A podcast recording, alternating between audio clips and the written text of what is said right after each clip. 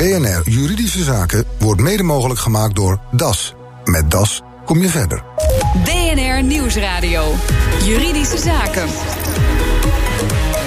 Paul van Liemt. Deze week buigt de Tweede Kamer zich over het plan van minister Dekker voor de gefinancierde rechtshulp. Advocaten zetten alles op alles om de minister en de Tweede Kamer te overtuigen dat het anders moet. Ze demonstreren of gooien de handdoek in de ring. Juridisch geweten, Nelke van der Heijden. Een voorbeeld is het advocatenkantoor Kleerden en Hamer Advocaten. Ja, Paul, dat geeft aan om middelgrote zaken niet meer voor te kunnen zetten. Ik vroeg Sander Jansen van dat kantoor, de advocaat van Willem Holleder, wat er zo slecht is aan dat plan van Dekker. En hij zei: ja, het is eigenlijk al veel langer droevig gesteld met, dit, met dit soort zaken die advocaten pro-deo doen.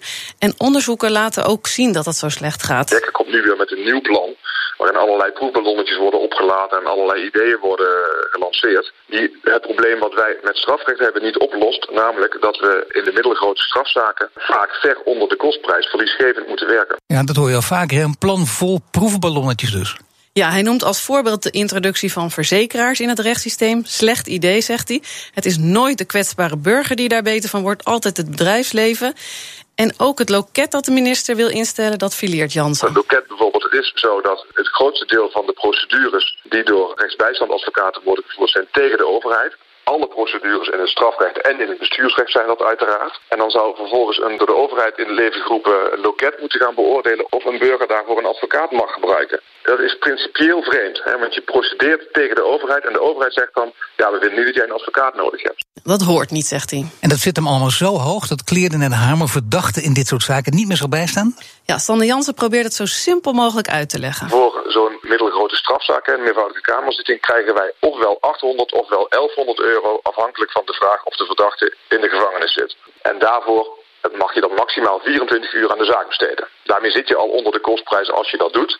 Wil je meer tijd besteden dan dat, dan moet je daar toestemming voor vragen aan de Raad voor Rechtsbijstand. En als je die toestemming krijgt, dan krijg je ook vergoed de uren die je na die 24 uur besteedt. Nou, so far so good. Maar zoals het nu wettelijk is vastgelegd, gebeurt dat dus helemaal niet zo vaak. Wat we de laatste jaren zien, is dat steeds vaker gezegd wordt... we zien wel dat u meer tijd nodig heeft... maar wij vinden op grond van onze eigen regelgeving de zaak niet juridisch complex. En op grond daarvan krijgt u die extra tijd niet. En dat betekent dat je dus 40 of 50 uur aan het besteden bent voor 800 of 1100 euro. Ja, dat kan natuurlijk gewoon niet. Wij zijn ondernemers, we hebben onze eigen kosten. We zijn niet als rechters en officieren in een situatie waarin al onze kosten worden gedragen door, eh, door de overheid. Nou, daarvan hebben we gezegd, dat doen we niet meer. Duidelijk, toch? Eh, dank je, Nelke. Het zijn niet alleen de strafrechtadvocaten die het niet meer zien zitten. Ook de familierechtadvocaten die schreven een brandbrief. En de sociale advocatuur treedt ook aan de bel. Mijn gasten Karin van Lotteringen van Hermonie Advocaten. En bestuurslid van de Vereniging voor Sociale Advocatuur Nederland is hier te gast. En Augusta van Haga van Scheer Sanders Advocaten. En bestuurslid van de Vereniging voor Familierecht en Erfrecht Advocaten. En scheidingsmediators. Dames, welkom.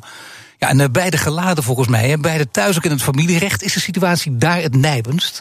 Nou, ik vind absoluut dat het. Uh, Mevrouw van Haga. Ja, uh, absoluut uh, nijpend is. Het is al jaren onder de maat. En ik, ik herken heel erg wat er wordt gezegd over het aantal, aantal uren. Wil maar het is al jaren onder de maat? Is jaren onder de maat. Met name ook in het familierecht. Omdat daar ook voor de, voor de burger de, de eigen bijdragen hoger zijn dan de, in de andere zaken. Dus de mensen betalen al veel meer. En dat zijn mensen die dat gewoon niet kunnen opbrengen. En daarnaast zijn wij met een echtscheiding zo ongeveer nou, 30 tot 60 uur bezig. Dus dat is ook 1100 uh, euro. En dan, uh, dan ja, dan heb je gewoon je Dus ook jullie en, en misschien in bredere zin familierecht zijn al veel advocaten gestopt ook om cliënten bij te staan? Er zijn uh, mensen die al gestopt zijn. Dat, die uh, berichten krijgen wij uh, zeker. Mensen die op de rand van faillissement zijn, of staan en dus ook eruit gestapt zijn. En er zijn nu ook geluiden van mensen die zeggen van ja, weet je, als ik niet de bijstand kan geven aan de min- en onvermogende burger, dan stop ik ermee. Want dat kan niet langer. Ik wil mijn vak goed doen. Ik wil de mensen goed adviseren. Ik wil goed procederen. Ik wil alles goed voor ze regelen. Dat betekent dat er in de toekomst ook minder problemen zijn. Maar als dat niet kan, dan stop ik ermee. En dat betekent dus dat mensen, want normaal gesproken zeg je altijd in Nederland eh, dat iedereen eh, recht heeft op rechtsbijstand. Of in ieder geval dat, dat is onderdeel, een belangrijk onderdeel van de rechtsstaat, dat dat niet meer in de praktijk wordt toegepast. Dat klopt. Mensen kunnen nu al niet goed een advocaat vinden op, op familierechtgebied omdat er al zoveel mensen gestopt zijn. En de Raad voor Rechtsbijstand heeft dat in uh, de position paper ook al uh, aangegeven. En uh, mevrouw Van Lottering, hoe zit dat in de sociale advocatuur? Ja, familierecht is een deel van de sociale advocatuur natuurlijk. Maar ook in de andere rechtsgebieden is het, uh, is het, uh, geldt hetzelfde. Um, ik denk dat misschien wel het meest lastige van dit moment is, is dat het plan wat er ligt zoveel onduidelijkheid schept. En daarbij komt natuurlijk nog dat die vergoedingen al heel lang niet meer bij de tijd zijn. Maar als je geen perspectief hebt op wat het nou gaat worden, waar moeten we dan heen? Dan kunnen nou, voordat we... we over het plan even gaan praten, maar nou, waar moet het dan heen? Ja, waar moet het dan heen? Dat is dan de oh, vraag. Nee, ik dacht dat er nog iets ergens achteraan nee, kwam. Maar is waar wel moet het dan heen zo? Voor de, voor de advocaat die ja. niet weet of dit in de toekomst überhaupt nog bestaat. Nee, is, dus, het, uh, is het, maar is het zo erg? Even de andere kant natuurlijk. Voor mensen die bijvoorbeeld gaan scheiden. Want jullie noemen verschillende zaken. Sociale ja. advocatuur bedoelt natuurlijk licht in brede zin. En niet alleen familierecht. Maar uh, mensen die gaan scheiden bijvoorbeeld. Uh, en die zelf geen advocaat kunnen betalen. Moeten die nu vrezen voor rechtelijke bijstand? Nou, die moeten vrezen, denk ik. We willen allebei hetzelfde zeggen. Dat die, weet ik niet. Die, die, moeten vrezen, denk ik, voor uh, uh, het gegeven dat zij uh, in ieder geval dan naar een loket moeten. In de plannen van Dekker moet, moeten mensen naar een gemeenteloket als ze willen scheiden. En dan krijgen ze vanaf dan hulpverlening toegewezen. Um, de... Nee, maar dat is wat anders. Daar gaat het om. Hè? Want Ja. is, hoe duidelijk is dat plan nu? Ze krijgen geen rechtelijke bijstand meer. Misschien wel, maar eerst naar een loket toe. Ja. En daarna bij het loket word je naar anderen doorverwezen, maar dus niet naar de vakmensen zelf, de advocaten. Ja, dat, uh, dat klopt. Ik denk dat er een groot probleem zit. Want ik heb dat uh, laatste stuk ook van, uh, van Sander Dekker gelezen. Waarin hij zegt van er moeten andere vormen van een regeling getroffen worden. Moet een minderlijke regeling. Terwijl hij er helemaal aan voorbij gaat dat dat in de praktijk gebeurt. Want 80%, 85% van de echtscheidingen wordt gewoon goed onderling geregeld. In ieder geval niet met, nou, met, met een wederzijdse procedure bij de, bij de rechtbank. Maar hij wil dat je altijd eerst iets anders probeert. Ja. Met andere woorden, altijd eerst probeert het zelf op te lossen. Ja. Dat is toch niet zo gek, die gedachte? Nou, ik denk dat dat nu dus al gebeurt. Voordat mensen bij mij aan tafel komen, dan hebben zij al hun informatie of van internet gehaald of van mensen gehaald. Hè, van, en ze willen gewoon concreet weten wat betekent het in mijn situatie. En dat kan je niet doen met een uurtje aan een loket. En bovendien is het vaak ook nog zo dat er met spoed iets moet gebeuren. Mensen willen weten van dus, um, wat moet er nu gebeuren? Want de situatie thuis is onhoudbaar. Er moet een regeling komen dat één van ons in het huis uh, blijft uh, wonen. Ik wil mijn kinderen zien. Ik wil alimentatie. Zoveel zaken. Ja. Nou ja, als je eerst een loket moet hebben en nog een loket. En dan moet je twee, drie keer je verhaal doen, emotioneel. En je kunt in de tussentijd geen procedure voeren. Je weet niet wat je moet doen. Nee, je zou zeggen, mevrouw Vlottering, dat de minister, of althans een van zijn ambtenaren, toch heeft contact heeft gezocht met de sociale advocatuur, weet wat er speelt. Uh, is dat ook gebeurd? Hebben jullie al van tevoren met de minister hierover gesproken? We hebben van tevoren hier niet met de minister over gesproken. Er is een, uh, maar hebben jullie dan het idee dat hij geen idee heeft wat er aan de hand is? Nou, een, een beetje wel. En uh, ik haal dat uit. Een beetje maar. Ja, een beetje wel. Ja, Want ik nee. haal dat uit kleine dingen die ook in de beantwoording die hij nu gestuurd heeft aan de Kamer vragen. Bijvoorbeeld, hij vergelijkt dat wij in uh, het huidige stelsel uh, eigenlijk nauwelijks beloond worden voor het geven van advies, terwijl het alleen maar loont om een procedure te voeren. Uh, dat klopt niet. Hij vergelijkt een licht advies, en dat is voor maximaal drie uur, met een toevoeging voor een procedure van veel meer uren.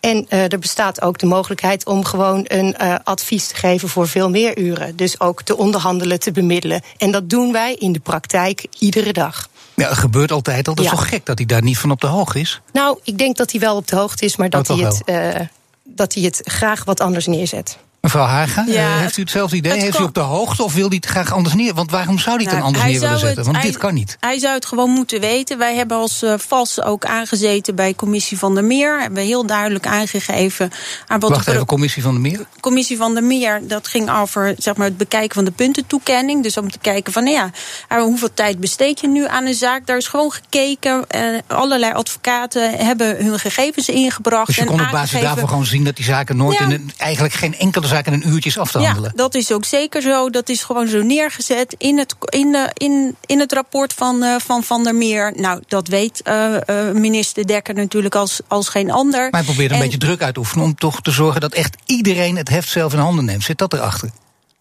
Nou, ik weet niet wat erachter zit bij hem. Ik vind het. Het is wel belangrijk om te weten, als je dan toch uh, probeert uh, in dialoog Ja. te treden, wat de andere uh, de beweegredenen zijn. Ik denk dat de dialoog, als ik het zo mag zeggen, nu ook van de minister zou moeten komen. In die zin dat hij degene is die er een heel andere draai aan geeft. En een volledig andere richting inslaat dan twee door de overheid benoemde commissies en hun bevindingen. En uh, dat hij tot op heden niet kan uitleggen waarom die draai er is. En dat er dus ballonnen worden opgelaten waarbij nog geen financiële onderbouwing aangegeven is. Nog helemaal niet duidelijk is hoe loopt het dan precies met dat loket. Hoe gaan we dat doen met die rechtshulppakketten. En dat moet allemaal nog ingevuld worden, geeft hij te kennen. Maar waarom hij een heel ander stelsel neer gaat zetten dan het een huidige vraagje stelsel. of tien zou te beantwoorden. Nou, heeft hij wel te beantwoorden. En Straks aan mijn gasten de vraag, een andere vraag, of het plan van de minister vechtscheidingen in de hand werkt. BNR Nieuwsradio. BNR Juridische Zaken.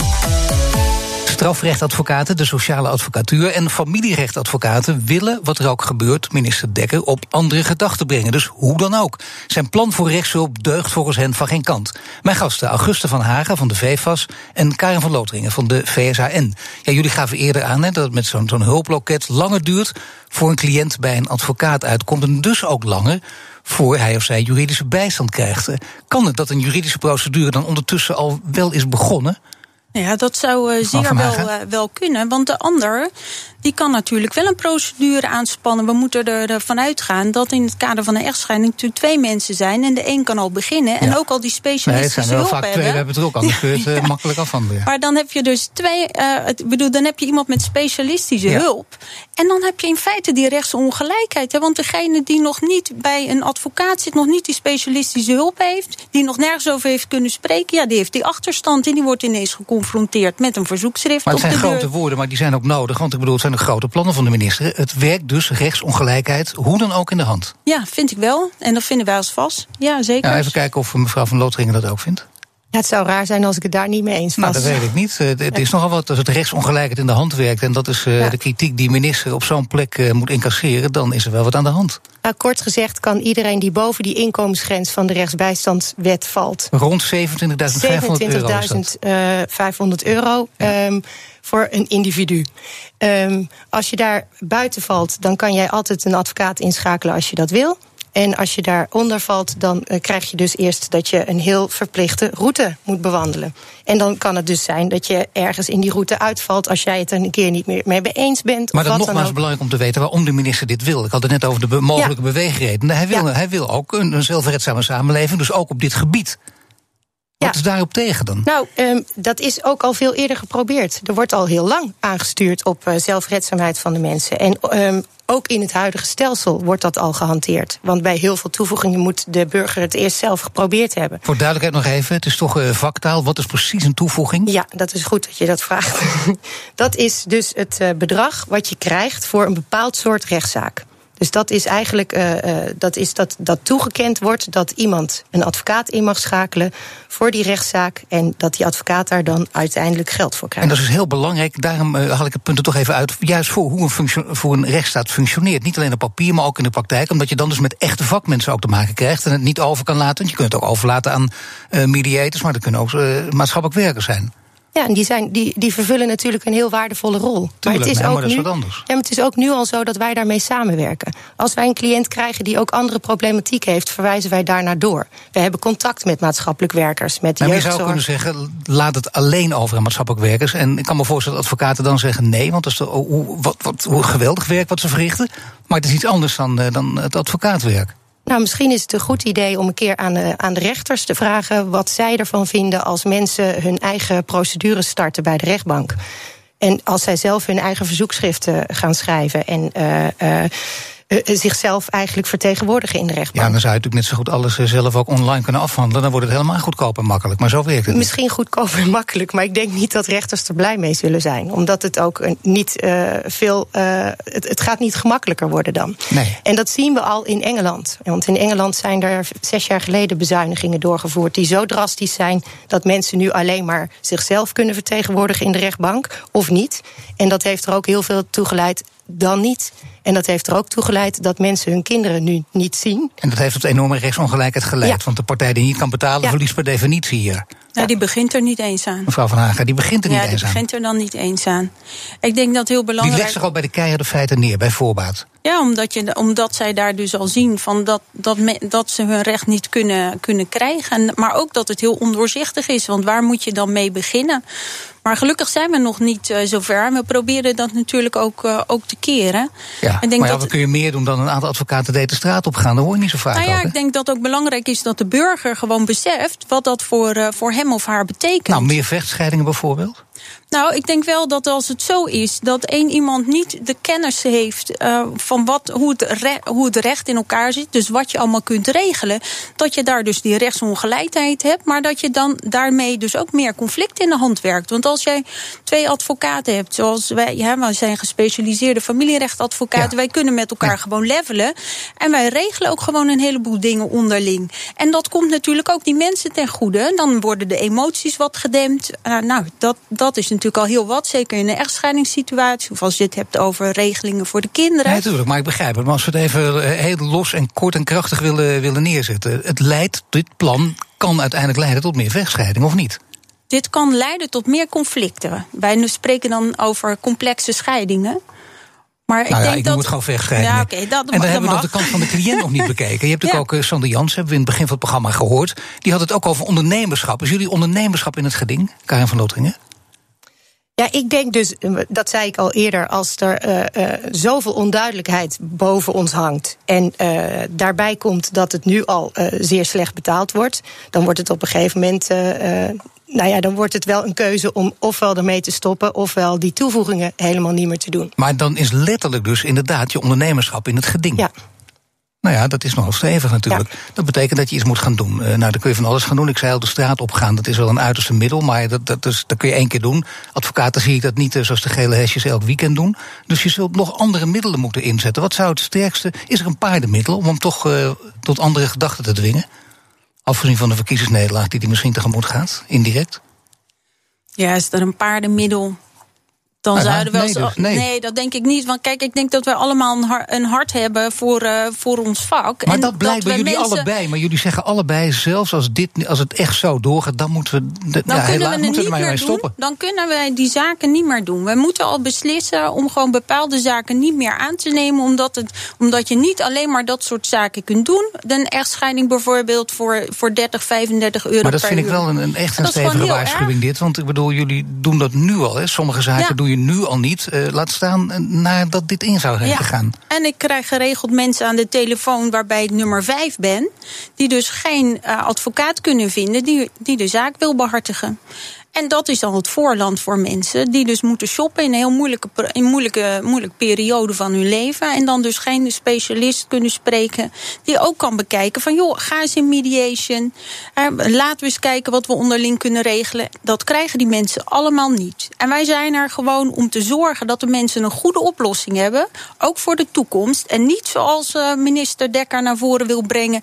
dat wij daar proberen een slaatje uit te slaan. Nou, de minister die, die luistert ook altijd. Dus een stevige waarschuwing. Benieuwd of je gaat reageren. Ik dank jullie. Ik. Augusta van Hagen van de Vereniging voor Familie- en Erfrechtadvocaten en Scheidingsmediators. En Karin van Lotringen van de Vereniging voor Sociale Advocatuur Nederland. BNR Nieuwsradio. BNR Juridische Zaken. Haar energiemaatschappij ging failliet en daarom kwam Josje automatisch bij een ander terecht. Maar dat betekende wel een gepeperde rekening. Josje, jouw energiemaatschappij is eh, failliet gegaan. Nou, vervelend. Moet natuurlijk wel energie blijven krijgen, maar er is een oplossing gevonden. Alleen, dat is niet helemaal in overleg met jou gebeurd en ook niet helemaal naar je zin. Vertel. Nee, klopt. Ja, dus wij kregen in oktober 2018 bericht dat de energiemaatschappij failliet ging. Maar dat we ons geen zorgen hoefden te maken, want in ieder geval eh, voor de maand november zouden we worden overgenomen door een andere partij. Daar heb ik ook maar één maand gezeten. Ik heb toen direct opgezegd. Maar toen kreeg ik een rekening van 208 euro. Dat is bijna twee keer zo hoog als wat ik bij mijn vorige energiemaatschappij betaalde.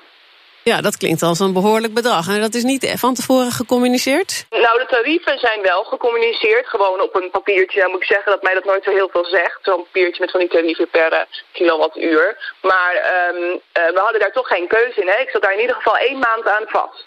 Ja, dus de vraag is of dat zomaar kan. Ja, En ook waarom die tarieven zo hoog zijn. Want je betaalde dus voor je oude maatschappij minder. Maar goed, die is ook failliet gegaan. Maar je zou daar nog wel wat van terugkrijgen ook. Ja, ja, dus ik, zou, ik had een eindafrekening gekregen van mijn oude energieleverancier dat ik 400 euro terug zou krijgen. En daar betaalde ik in de maand 112 euro. En de rekening voor één maand van de nieuwe energiemaatschappij was 208 euro.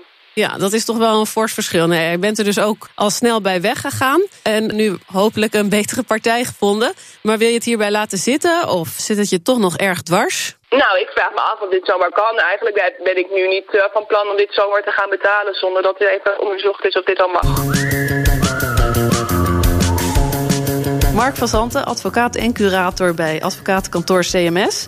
Josje vraagt zich af of dit nou zomaar mag kan zij gedwongen worden om bij deze partij energie af te nemen? Normaal gesproken, als er een doorstart is na een faillissement, ben je als klant helemaal niet verplicht om mee te gaan met die doorstarter. Die doorstarter moet met je gaan praten en kijken of jij klant wil worden van zijn bedrijf. Dus dan zou je zeggen: dit kan niet. Normaal gesproken niet, maar we hebben hier te maken met een hele bijzondere tak van sport, namelijk een energieleverancier die failliet gaat.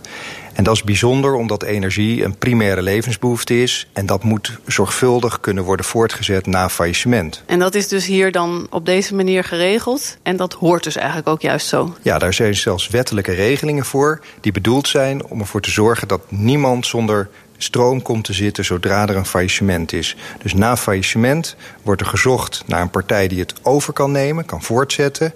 Die krijgt dan alle klanten. Hier gaat het om 50.000 klanten. En die 50.000 klanten hebben dus voor de maand november een nieuwe leverancier gekregen. En waren niet verplicht om na november nog bij deze leverancier te blijven. Dus als ik het zo hoor, heeft ze eigenlijk gewoon mazzel en is het prettig dat het zo geregeld is.